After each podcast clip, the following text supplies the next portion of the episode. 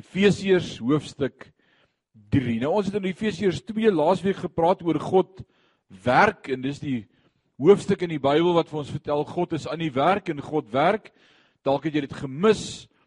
Ons het gesê daar's vier goed wat ons in Efesiërs 2 gesien het. God werk vir ons, God werk in ons, God werk deur ons, God werk onder ons. En nou kom ons by Efesiërs hoofstuk 3.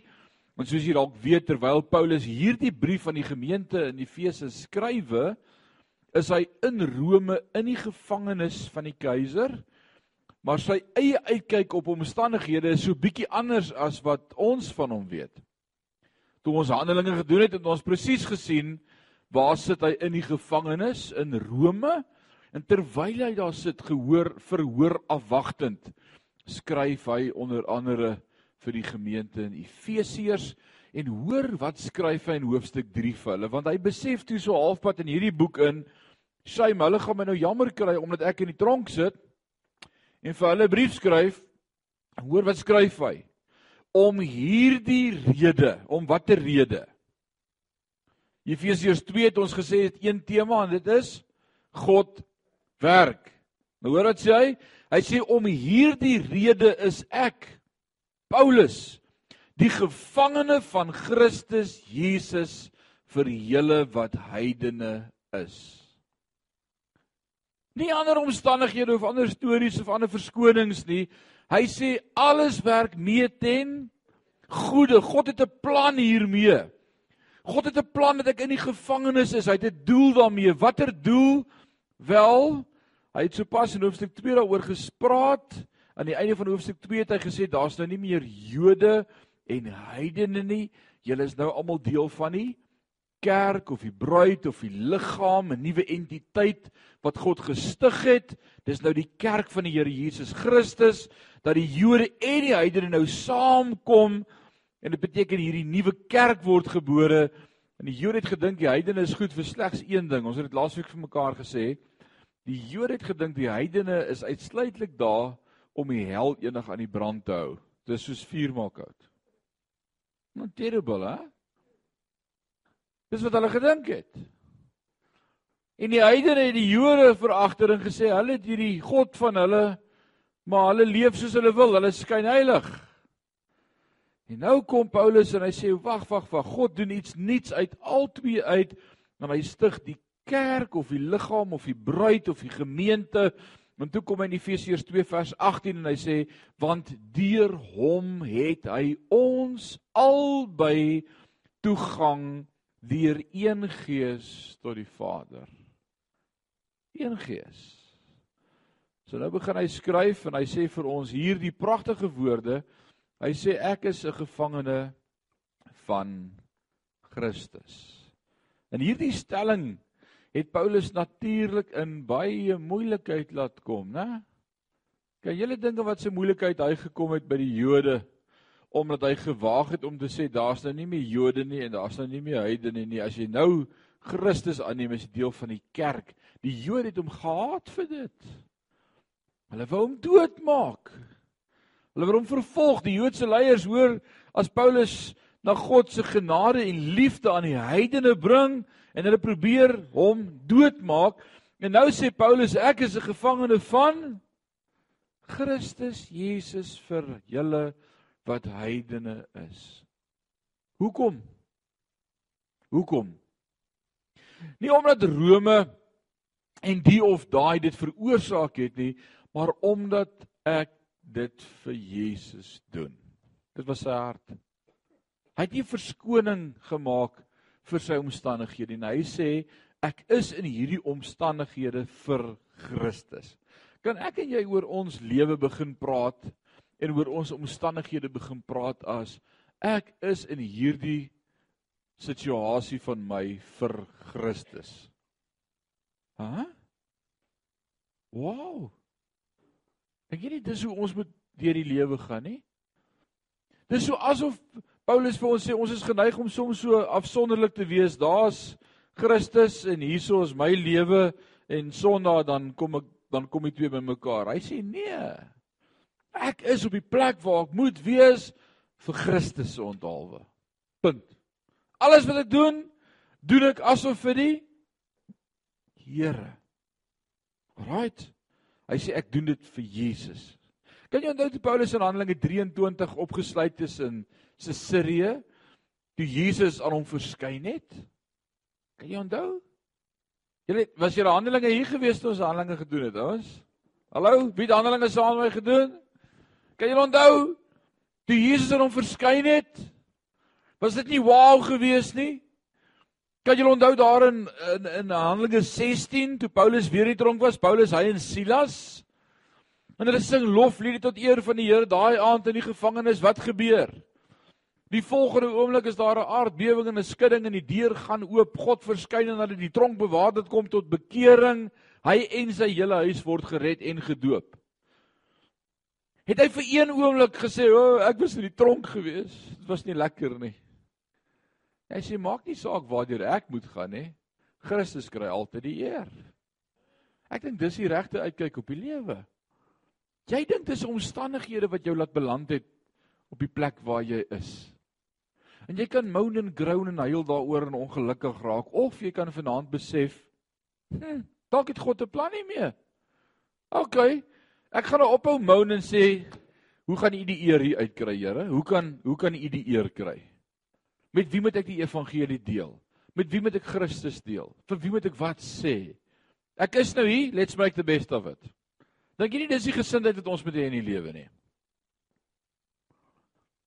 Wat sê julle?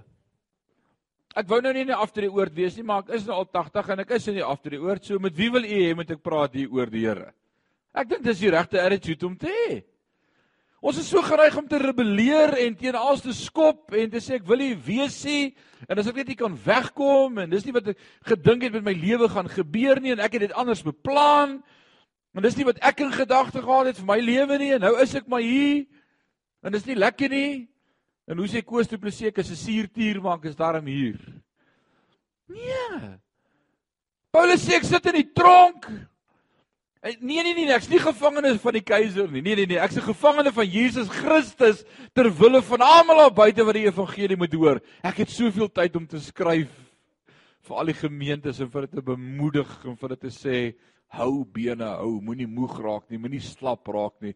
En die awesomeste van als is elke 3 ure sluit hulle twee nuwe wagte aan Paulus se arms vas om hom op te pas. En elke 3 ure dan dink ek hy sê vir hulle boys, sit terug, ontspan. Ek is net gou besig om die brief klaar te skryf. Imagine dit. Prakties, dink prakties daaroor. Maar wat jy besig om te skryf? Jy skryf in 'n gemeente. Ek vertel vir hulle van Christus. Wie's Christus? Okay, let's begin again. Het jy al gehoor van Jesus Christus? Nee, nog nie. Goed, kom ek vertel vir julle. Daar was 'n kruis. Daar was 'n verlosser, daar was 'n saligmaker en hy lei wagte na die Here toe om die beurt. Hulle het nie 'n keuse om daar te wees nie. Hulle is aan hom vasgesluit. Hulle kan nie eens wegkom nie. En hy sien dit as 'n geleentheid om die evangelie van Christus te verkondig. Hy het nie vir een oomblik homself jammer gekry nie. Nie vir een oomblik nie. Hy sê ek is hier want dis wat Christus wil hê. En dan kom hulle tot bekering en dan later dan groet hy hulle dan sê hy vir die gemeente as hy daar skryf ek dink is aan Filippense aan Filippi dan sê hy en groet al die werkers in die kasteel of in die paleis groet hulle sê ek stuur vir hulle baie liefde hoekom hy daai hele paleis na die Here toe gelei onder Nero se oë Dis nie amazing nie dis hoe God werk maar ek en jy moet anders begin dink oor ons omstandighede Ons gaan bedink ek is op hierdie plek nie omdat vir geen ander rede is omdat God my hier wil hê nie. So wat wil hy moet ek doen? Dis die vraag. Wat wil hy moet ek doen? Alraai, hoekom wys ek dit vir jou uit? Ek dink gelukkig sal die mens wees en daardie vrou wees wat verstaan dat jy in daardie situasie waarin jy jouself bevind. Alraai. Jy jou bevind. Nie as gevolg van omstandighede nie. Nie as gevolg van wat gebeur het nie, maar dat dit God se plan is en hy jou wil gebruik. Ek is oortuig daarvan. Dis God se plan en hy wil jou gebruik. En in elke omstandighede waar ek is of waaroor ek kla of rebelleer, doen ek eintlik dit teen God. Teen wie moaning groan jy as jy moaning groan? Teen die Here. Hm? Is julle hier? Sê amen. As ek is 'n gevangene van Jesus Christus en ja, die doel is die evangelie in die heidene, maar ek is 'n gevangene van Christus. Lees saam my van vers 1 af. Hy sê om hierdie rede is ek Paulus 'n gevangene van Christus Jesus vir julle wat heidene is. As julle ten minste gehoor het van die bediening van die genade van God wat aan my verleen is vir julle dat hy aan my deur openbaring bekend gemaak het die verborgenheid sodat ek tevore kortliks geskryf het waardeur julle as jy dit lees my insig in die verborgenheid van Christus kan verstaan wat ek ander tye aan die mensekinders nie bekend gemaak is nie soos dit nou aan die heilige apostels en profete geopenbaar is deur die Gees, naamlik dat die heidene mede-erfgename is en medelede van die liggaam en mede-deelgenote aan sy belofte in Christus deur die evangelie. Hierdie is 'n ongelooflike pragtige ryk stuk. Hy sê dit was van tevore weggesteek. Dit was 'n geheim. Ek wou nie daaroor praat nie, niemand het geweet nie. Dink gou saam met my. Jesus deel met of God deel met sy volk Israel. Hy gee vir hulle die wet. Hy stap hierdie pad met hulle met hulle profete en konings en priesters. En dan kom hy in Jerusalem om vir hulle te sterf en hulle verstaan hom nie, hulle aanvaar hom nie as 'n Messias nie. Hy sê Jerusalem, Jerusalem, hoe dikwels wou ek julle by mekaar maak soos Hennar kykers, maar julle wou nie, julle wou niks weet nie. En dan sterf hy vir hulle. Maar dan kom hy Matteus 28:19 en hy sê vir sy disippels: "Nou gaan julle heen en julle maak disippels van al die Jode." Nou, nee, hy sê alle nasies. Dis nou verby. Dis groter as net die Jood. Nou is daar genade vir almal en dit was ondenkbaar. Die Jode was so geskok in hom dat hy nou nie net meer na die Jood uitreik wat God se volk is nie, maar skielik na al die nasies, na die Grieke en die al die heidene. Regtig? Is daar nou genade vir al die nasies? En nou kom die dispensasie van genade en dis die kerk wat gebore word in Handelinge 2. En die Jode het dit nie verstaan nie, glad nie. Imagine as jy vir die afgelope 3 4000 jaar gedink het jou God is die enigste God en ewe skielik kom ander nasies en ander gelowe tot bekering en hulle praat van jou God maar jy het nie eers self 'n verhouding met jou God nie. Ek dink dit mens hulle baie kwaad gemaak het. Dit maak hulle vandag nog kwaad. Alraight. So hierdie dispensasie van genade en dan sê hy nou sit Jood en heiden en dat die Bybel wel 'n dispensasie. Jy geweet die Bybel is in dispensasies opgedeel. Wat is 'n dispensasie? Wat is 'n ander mooi mooi woord vir dispensasie? 'n Era of 'n 'n tydsgreep? Dis mooi gestel. Johan, wat sê jy? 'n Tydgreep. Alraight. Nou ek wil vanaand gou vinnig met jou deel en ek en ek bou nie al my teologie op dit nie.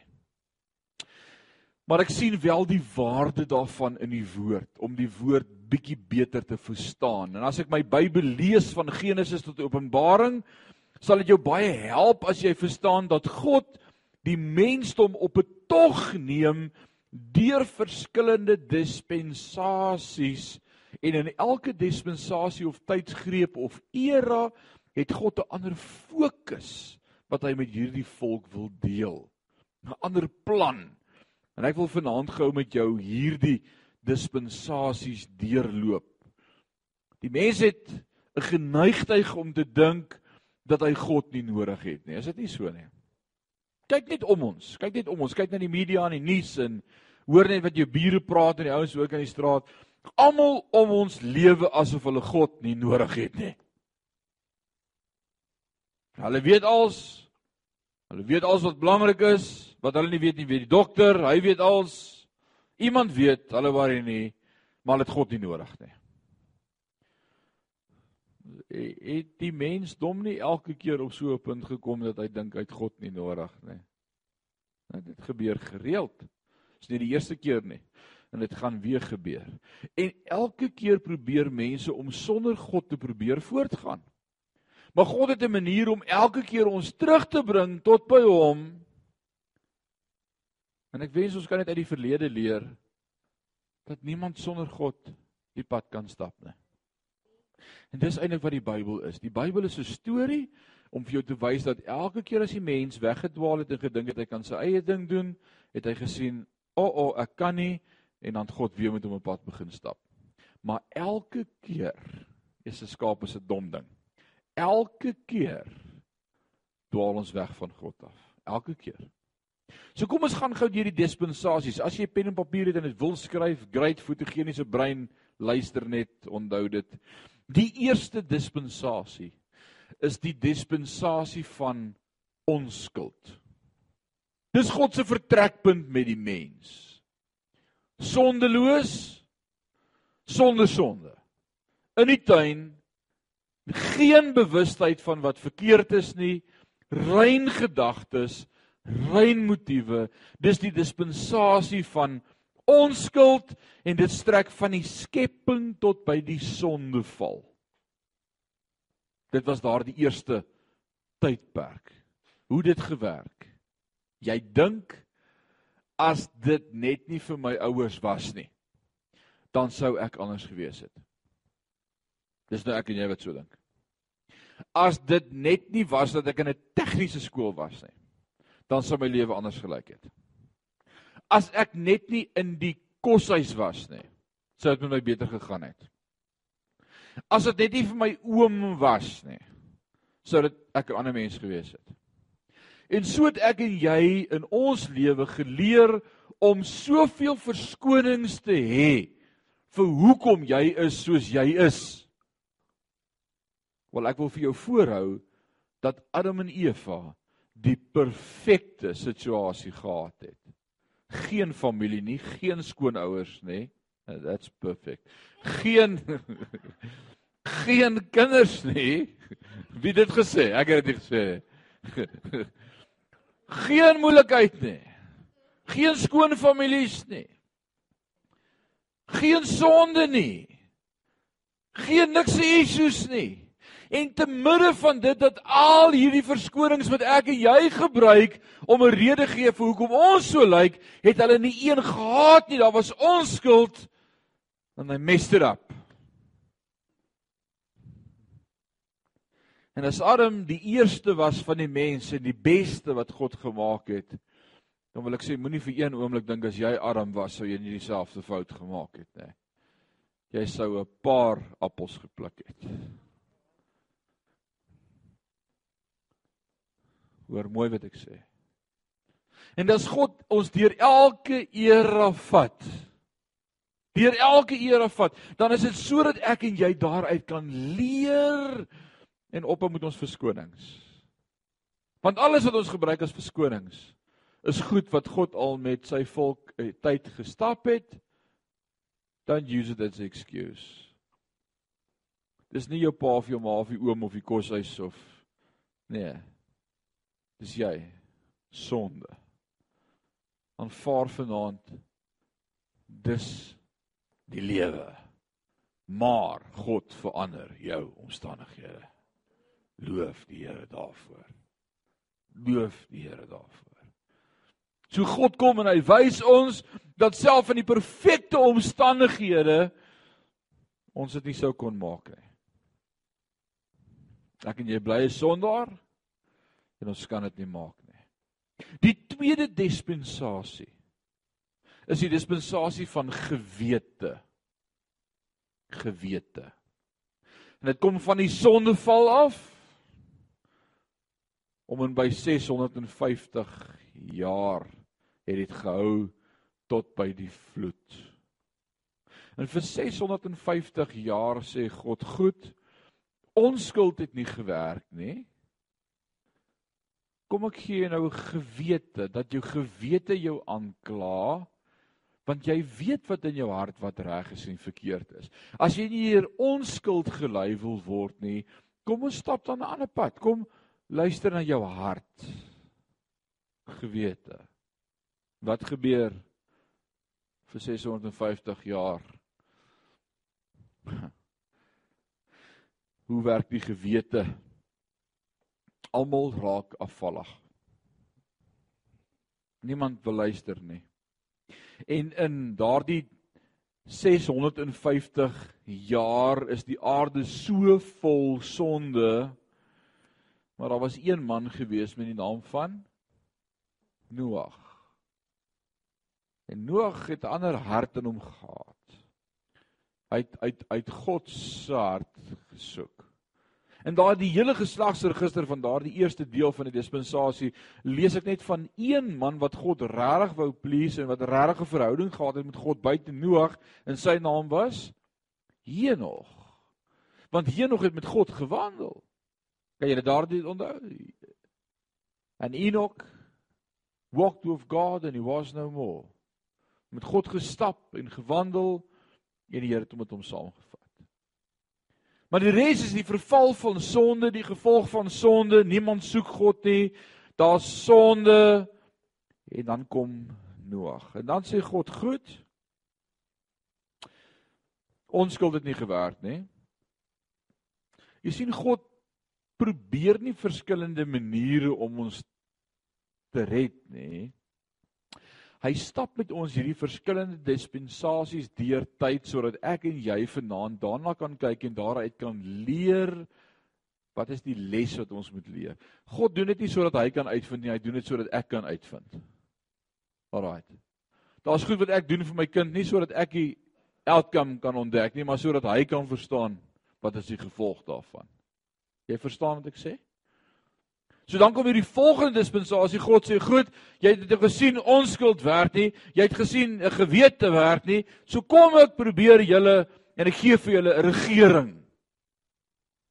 'n Globale wêreldstelsel. Babylon. En nou na Noag een wêreldstelsel.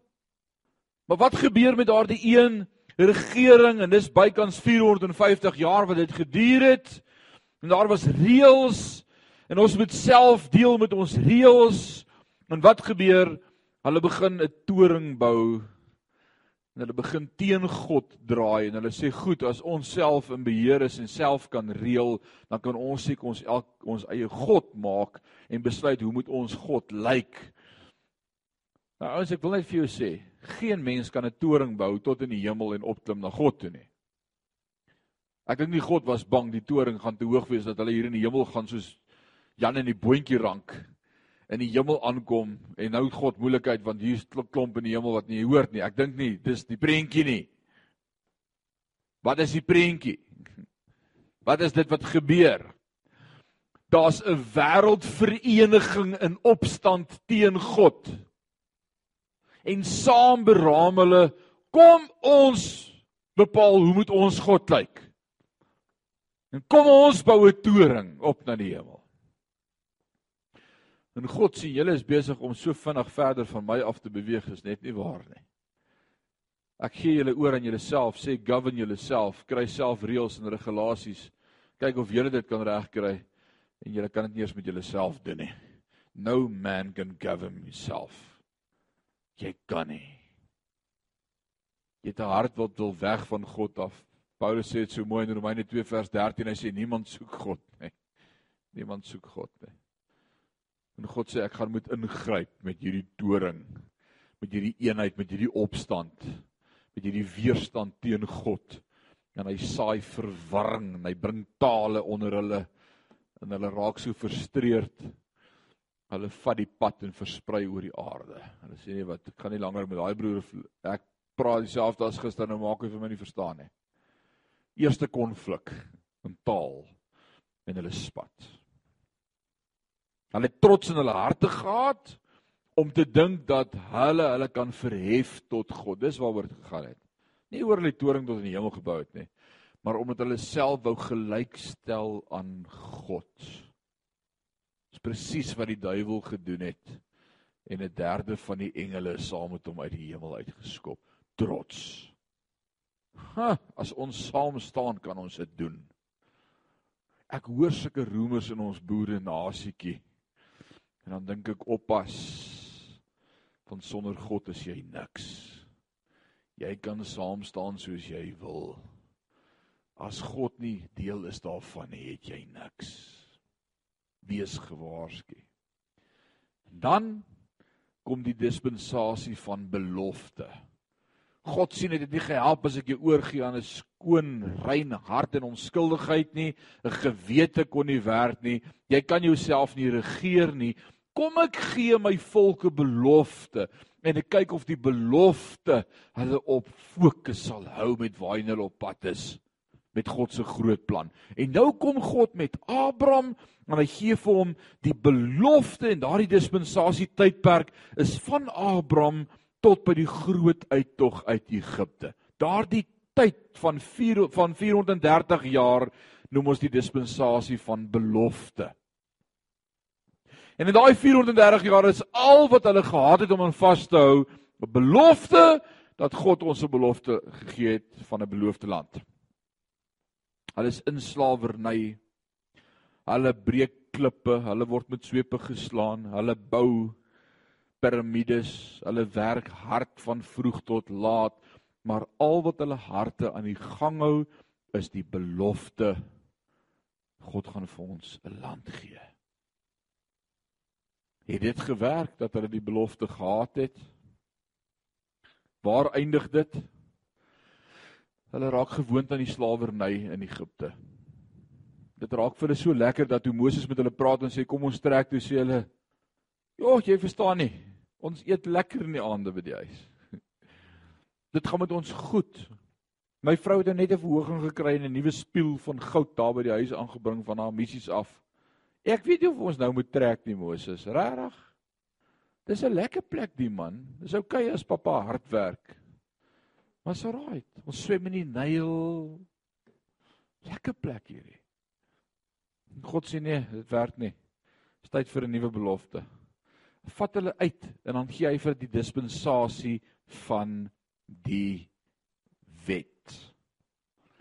En almal wat so vashou aan die wet in die Ou Testament. Dit was net een era in God se stap met sy volk. Dit was net een stepping stone. God sê goed, kom ek gee die wet en dis van Eksodus en wat dink julle die einde van die wet laat aanbreek? Van Eksodus tot by die kruis. Mm, die kruis. So, daardie dispensasie en baie keer sê ek en jy as ek net geweet het wat om te doen.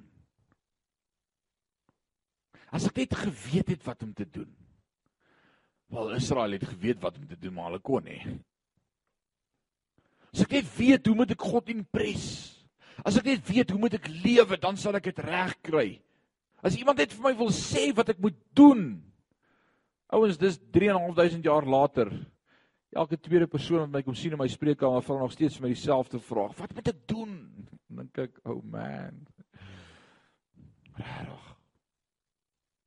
Hulle het die wet gehad, hulle het geweet wat om te doen, maar hulle kon nie. Dit sit in my en jou broek om te kan nie. Ons ons kan nie. Ons kan nie God impres nie. Hulle kon nie. Ons kan nie die wet hou nie, want daar's sonde in ons lewe en daarom moes God vir ons 'n offer voorsien, iemand om in ons plek te kom sterf, Jesus Christus, die leidsman en die volëinding van ons geloof. En dan kom die kruis en daardie vyf dispensasies is nou verby en nou sal jy dink, "Wow, wat nou?"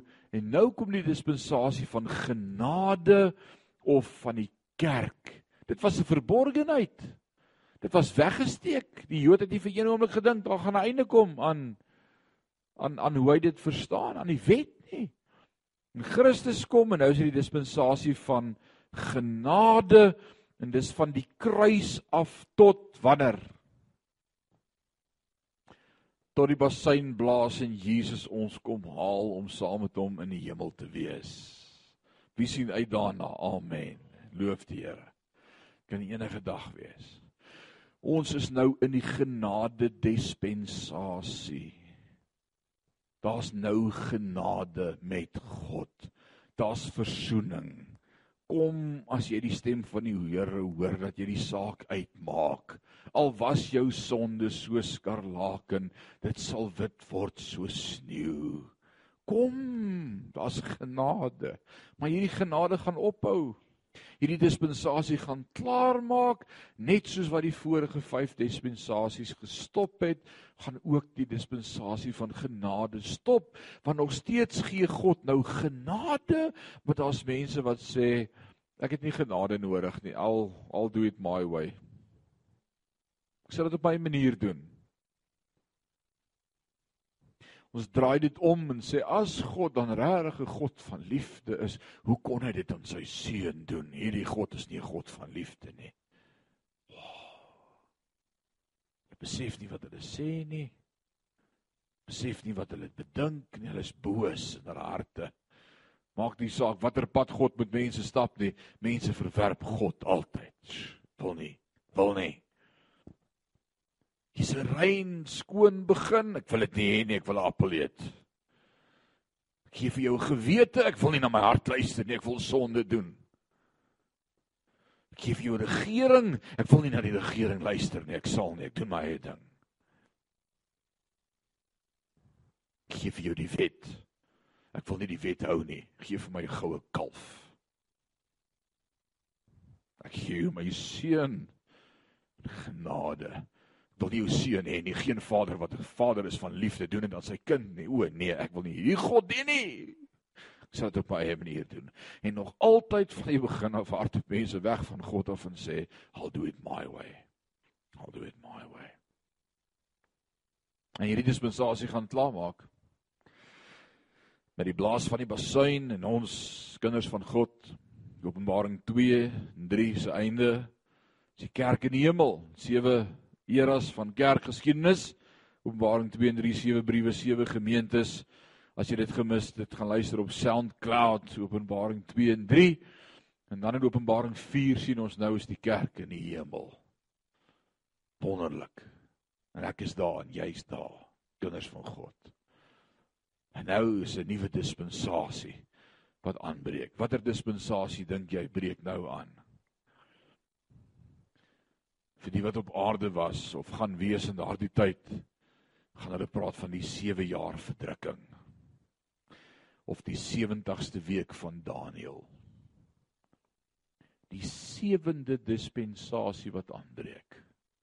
Die sewende era of tydsgreep wat God iets uniek gaan doen en waaroor gaan Openbaring 6 tot 19 ons is bevoorreg om op hierdie oomblik besig te wees maandagooggende met Openbaring 6 tot 19. En wat sien ons daaruit? Waaroor gaan die groot verdrukking? Onthou een ding vanaand, dis nie die hel nie. God probeer om die mens dom by hom uit te kry deur hulle te laat draai en hulle sonde te bely en daar gebeur vreeslike goed. Daar's bloed op die aarde en 'n derde van die mense sterf en en en daar val vuur uit die hemel en die son val op die aarde. Daar gebeur verskriklike goed sodat mense sal uitroep na God. En dan is die hartseer deel daarvan as jy elke keer in 'n hoofstuk lees en die mense het hulle harte verhard en wou nie van hulle sonde bekeer nie. Dan dink ek, "Oh man. Dis dieselfde storie. Maak nie saak watter dispensasie God met die mens stap nie. Die gemiddelde persoon verhard sy hart. Dis net so. Ons leer nie. Ons hoor nie. Te midde van al hierdie dinge gaan die mense nog steeds eerder uitroep na die berge in Openbaring 6 en hulle gaan sê berge val op ons en heuwels bedek ons want die groot dag van die oordeel van God het gekom maar hulle praat nie met God nie Hulle praat eerder met die berge en die klippe.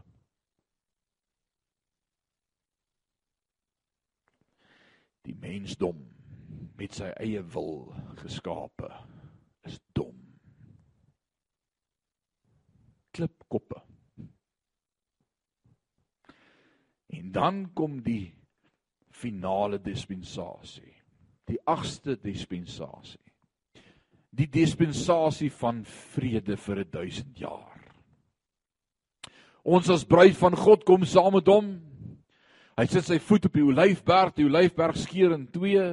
Die Jode sien hom, hulle glo hy is hulle verlosser, Messias, saligmaker, hulle word gered. En vir 1000 jaar regeer ons as konings en priesters saam met hom op aarde. Hy sit op sy troon en vir 1000 jaar is daar vrede, die dispensasie van vrede 1000 jaar saam met God. Is dit nie amazing nie?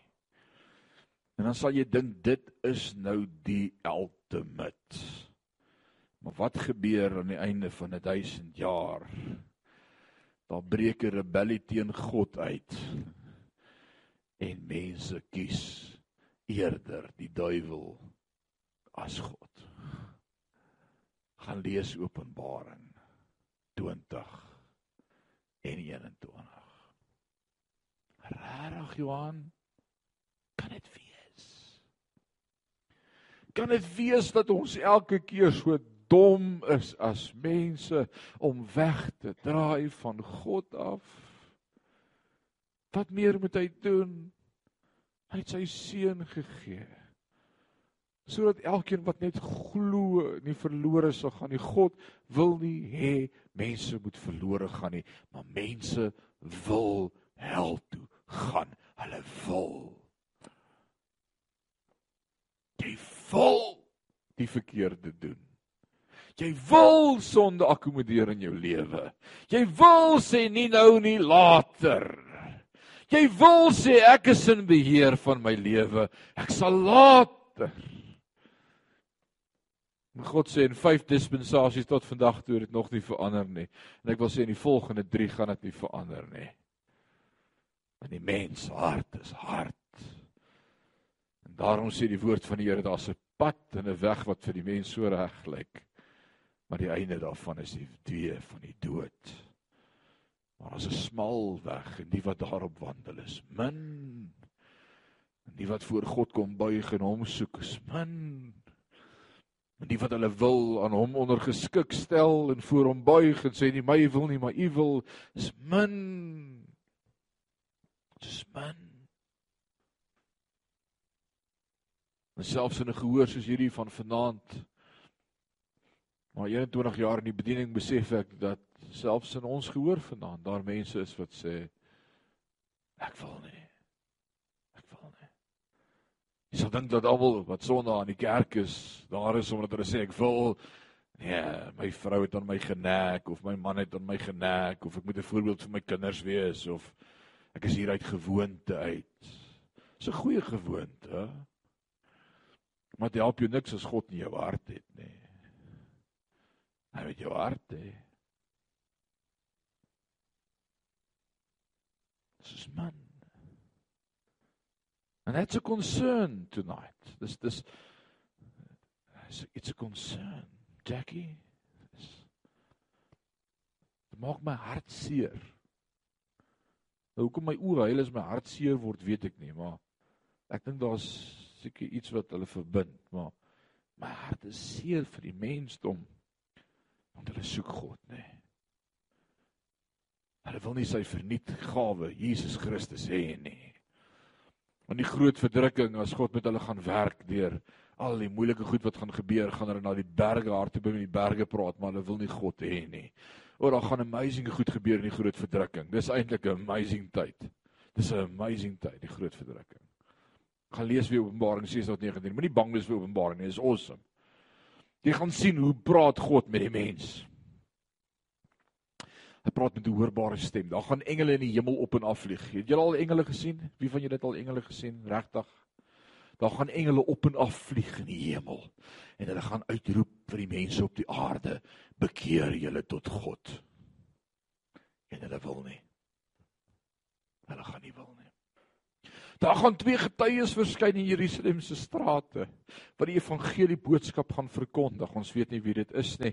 Die woord van die Here leer ons elke mens bestem om eenmal te leef en daarna te sterwe. Ons weet van twee individue in die Bybel wat nooit gesterf het nie. Henog was een van hulle en Elias op met die waan vuur perde.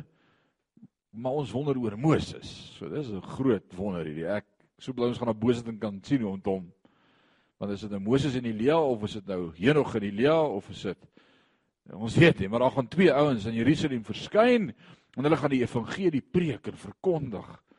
Ouens wat al jare terug moes dood wees, wat nooit dood gegaan het nie, gaan net skielik verskyn en begin preek. Man, ek gee my hart net al vir die Here as dit ek was.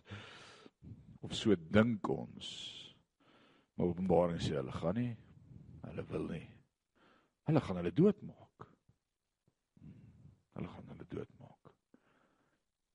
It's amazing. Hoe hard mense se harte is. En nou kom Paulus en hy sê julle moet verstaan ons is in hierdie dispensasie van genade. Dis hoekom ek 'n gevangene is van Christus. Dis hoekom ek bereid is om in die tronk te sit en van hier af die evangelie boodskap vir julle te skryf. Alles is die moeite werd as een ou net tot God bekeer en sy knie voor God buig en erken daar's nie 'n ander God nie. As jy verstaan dat hy vir julle gesterf het aan die kruis en dat jy nie hoef te sterf vir jou eie sonde nie, man, dis genade. Just accept it.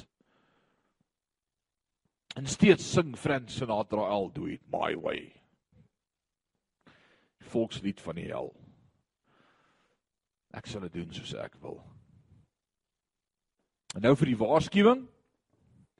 Hoor mooi wat sê Paulus daarvan Efesiërs 1 vers 10 sê hy om die volheid van die tye te reël met die doel om alle dinge wat in die hemel sowel as op die aarde is onder een hoof in Christus te verenig. In Efesiërs 3 vers 2 sê hy: "As dit ten minste gehoor het van die bediening van die genade, dis the dispensation of grace, dis daardie tydsgreep van genade." En nou vir die waarskuwing: Oppas vir dispensasie teologie. Ek het dit net vir jou mooi verduidelik en ek Was een van die onderwerpe wat ek as teologiese student moes leer. Dispensasies. Maar ek wil ook sê oppas vir dit. Want die dis 'n instrument om God se woord te verstaan, om te verstaan wat wil God doen, maar ek kan nie my teologie daarop bou nie. Want as ek my teologie daarop bou, dan vergeet ek van die werk van die Heilige Gees. En die Heilige Gees werk altyd soos hy wil. It's amazing. Alraait. So ek ek verstaan vaagweg, dis die blokkie wat in daai era moes gepas het. But God, hy hy werk net sy wil. Jy kan hom nie beskryf of inperk nie. Dis die amazing daarvan. So nog steeds ken ons ten dele en ek dink dis wat Paulus vir ons probeer sê in Korintiërs 13. Hy sê ek kyk soos in 'n raaisel in 'n spieël en ek ken dit ten dele, maar eendag eendag as ons by God is, sal ons ten volle ken. Alraait. So nou het jy vanaand dispensational theology onder die knie. 101. Dis dispensasie teologie. En dit help my om raak te sien dat God met die mensdom werk, maar oppas vir die sisteme want dit gaan God se gees inperk en ons kan nie God se gees inperk nie. Kan jy sê amen? Vers 6 van Efesiërs hoofstuk 3. Dat die heidene mede-erfgename is en medeleende van die liggaam en mededeelgenote aan sy belofte in Christus deur die evangelie waarvan ek 'n dienaar geword het volgens die gawe van die genade van God wat aan my gegee is ooreenkomstig die werking van sy krag. En dan vers 8 sê aan my, komma die geringste van al die heiliges is hierdie genade gegee om onder die heidene die evangelie van onnaspeurlike rykdom van Christus te verkondig. Ek wil sê as jy genade verstaan, dan verstaan jy ek en jy is niks en hy is alles. En alles is net genade. En dis die plek waar God ons wil hê vir nou. Is om te verstaan dat alles sy genade is. Paulus sit in die tronk. Hy sê dis genade. Want nou kry ek papier en pen verniet en ek kan skryf. Ek het al die tyd in die wêreld en ek lei die soldate na die Here toe. Dit was vir 'n tyd soos hierdie dat God dit so bestem het. Man, ek is 'n slaaf van Christus Jesus. Dis genade. Is alles in jou lewe God se genade? Of is dit jou eie bewerking? Ek hoop ter harte dat jy saam met my kan uitroep wat ek het is net genade. En dat jy nie op jouself roem vir wat jy het nie. Of vir wie jy is nie. Maar dis net hy. Dis genade. Dis genade. Alles is genade. Ek het niks wat ek verdien nie. Iemand sê laasweek vir my hierdie twee awesomeste seuns, ek sê dis net genade. Regtig. Alles is genade. My vrou en oor 3 weke is ons 21 jaar getroud as die Here ons spaar. Dis net genade. Nie myne nie, God se genade. O oh man. Dis genade dat my lewe gespaar is deur soveel kere van dinge doen van dom dinge aanvang as ek terugdink dan dink ek o oh, dit was net genade is net genade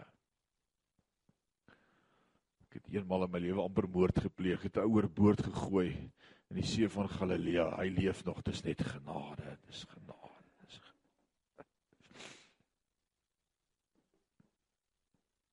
dink bietjie oor jou lewe En dan kan ek oor my lewe net een ding roep, dis genade, dis genade. Dis niks anders. Ek dink dis waar ons gaan stop vanaand. Johan. Die amazing van wat jy sê Johan is dink gou saam met my in die tuin van Eden toe Adam en Eva sonde gedoen het. En sonde maak dat ons wegkruip vir God. Maar God kruip nie weg vir ons nie. Daardie aand in die aand windjie kom God nog steeds en hy wandel met Adam en Eva en hy roep na hulle. Hy sê Adam, Eva, Adam, waar is julle? Julle is my kinders. Julle is my skepsels. Ek het julle geformeer. Julle is deel van my. En hulle kruip weg. En dis wat sonde met my en jou doen. Sonde met my en jou maak dat ons wegkruip vir God. Maar ek wonder wat sou gebeur het as Adam en Eva na God toe gehardloop het voordat hy nog in die tuin was en gesê het help ons het aangejaag. Sorry. Ons is so jammer. Maar hulle they wanted to cover it up. Adam vat druks vyf blare, vyf blare en hy maak vir hulle klere. Hy sê toe maar ek sal 'n plan maak, my skat, moenie worry nie. Ek het gesien jy's 'n groot willevye boom hier om jou. Ek het 'n plan.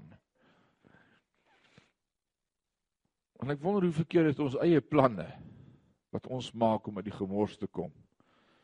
Bring net 'n verder wig tussen ons en God. Ek wil vanaand sê ek het geen plan om te maak behalwe om na hom toe te hardloop en te sê hier is ek nie. En wanneer jou planne ophou, kan God met jou iets doen. Hoor wat ek sê. Dat jou planne en idees oor hoe God moet werk ophou en jy net sê ek het nie 'n plan nie. Doen met my wat U wil. Doen slegs U wil, Heer, U wil met my. Ek pottebakker met my die klei. Neem my en vorm my. Maak my, o Heer.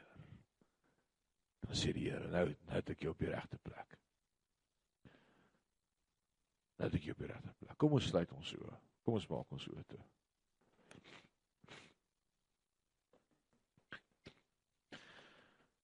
As jy vanaand die woord van die Here hoor en die Here vanaand met jou gepraat het Jy vanaand op daardie plek is waar jy planne het en idees het en beheer is en jou eie dinge doen. My vanaand God se woord gehoor het en gesê het ek wil vanaand my planne lê by die kruis. Ek wil sê nie meer my plan nie, maar u plan. Vir te lank het ek my eie planne gemaak. Ek het nie meer 'n plan nie. My planne is op. Hier is ek. Vat my. Dan wil ek saam met jou bid vanaand, want ek dink hier's mense wat vanaand nodig het om te kniel by die kruis en te sê ek het vir te lank my planne gemaak. Vir te lank was daar nog planne in my lewe. My planne is op. Dan wil ek saam met jou bid vanaand. Wil jy net as teken dat jy is en niemand kyk rond nie, net jou hand opsteek en weer laat sak. Net sê Here, dis ek. U het vanaand met my gepraat. Sorry vir al my planne. Ek het nie meer planne nie. Dis 'n goeie plek om te wees, ouens. Dis 'n goeie plek om te wees. Oh man. Nou wil ek saam met jou bid vanaand. Here. Dankie vir u genade. Dankie dat u vanaand met my kom praat het. Dankie dat ek vanaand hoor dat ek my planne kan lê by die voete van die kruis. En vanaand besef ek ek is bankrot en al die mooi planne wat ek gedink het ek gaan kan regkry het nie gewerk nie. En ek wil vanaand vir u sê dankie dat dit nie gewerk het nie. Anders was ek dalk 'n ewigheid sonder God. Maar dankie dat u my lief genoeg het dat my planne misluk het. Sodat ek kon besef het ek is bankrot. En hy's baie meer geïnteresseerd in my redding as my gemak. En dankie dat u met elkeen van ons se pad stap. Dankie dat ek vanaand kan kniel by die kruis Dankie dat daar vergifnis is by die kruis. Dankie dat daar genade en liefde is by die kruis. Dankie dat daar redding is by die kruis. Dankie dat daar nie verwyte is nie, maar dat ons in die era van genade lewe. Ons wil hardloop na die kruis toe vanaand. En ons wil soos kinders op die skoot kom sit. En dankie dat U ons vasdruk teen die bors en dat daar nie vanaand verwyte is. Die woord sê in Romeine 8 vers 1 daar is dan nou geen meer veroordeling vir die wat in Christus is nie. Vir die wat nie meer wandel volgens die vlees nie, maar volgens die Gees. Dankie dat U ons vanaand kinders maak van God. Dankie dat ons ons planne vanaand kan lê. Kan sê doen u plan met my lewe. Elkeen van ons wil vanaand opnuut ons hand in u hand sit en sê Vader, stap met my hierdie wonderlike pad. U plan vir my lewe. Paulus het in die gevangenis en sê dis dis God se plan vir my lewe. Ek is 'n gevangene van Christus. Mag ons anders begin kyk na ons omstandighede. Mag ons God begin raak sien wat saam met ons daar is. Saterdag mesig en Abednego in die vuuroond. Op die einde van hulle planne maar jy het 'n ander plan gehad. En jy ontmoet hulle en jy praat met hulle.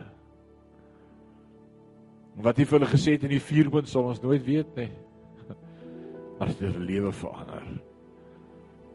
Verander my lewe. Verander ons lewe. Ons rek uit na U vanaand. Sê ons is bankrot. Ons planne is op. Dankie dat U 'n God van genade is. Dankie dat U vanaand uitreik na elkeen wat na U uitreik.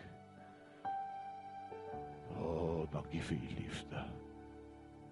Dankie vir u liefde. En die oomblik net waar jy sit net vir hom sê dankie vir sy liefde vir jou nie. Praat net so oomblik met hom. O, oh, dankie vir u liefde. Dankie vir u genade. Dankie dat u 'n plan het met ons lewe. Dankie. Dankie. Dankie.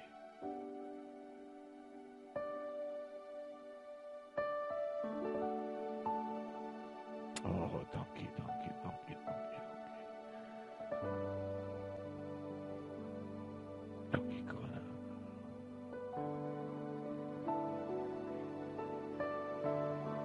Dankie, koning. Dankie, koning.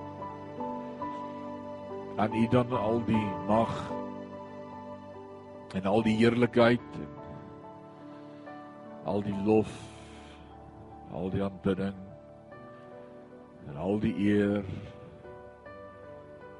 van nou af tot in ewigheid. Want U alleen is God. My gebed vir elkeen vanaand is hou ons vas in hierdie week in hierdie pragtige wonderlike tasbare teenwoordigheid van die Heilige Gees.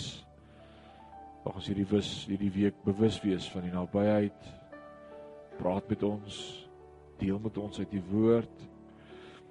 Hou ons vas in die holte van die hand. Aan al die lof en al die eer. Dis ons gebed in Jesus naam. Amen.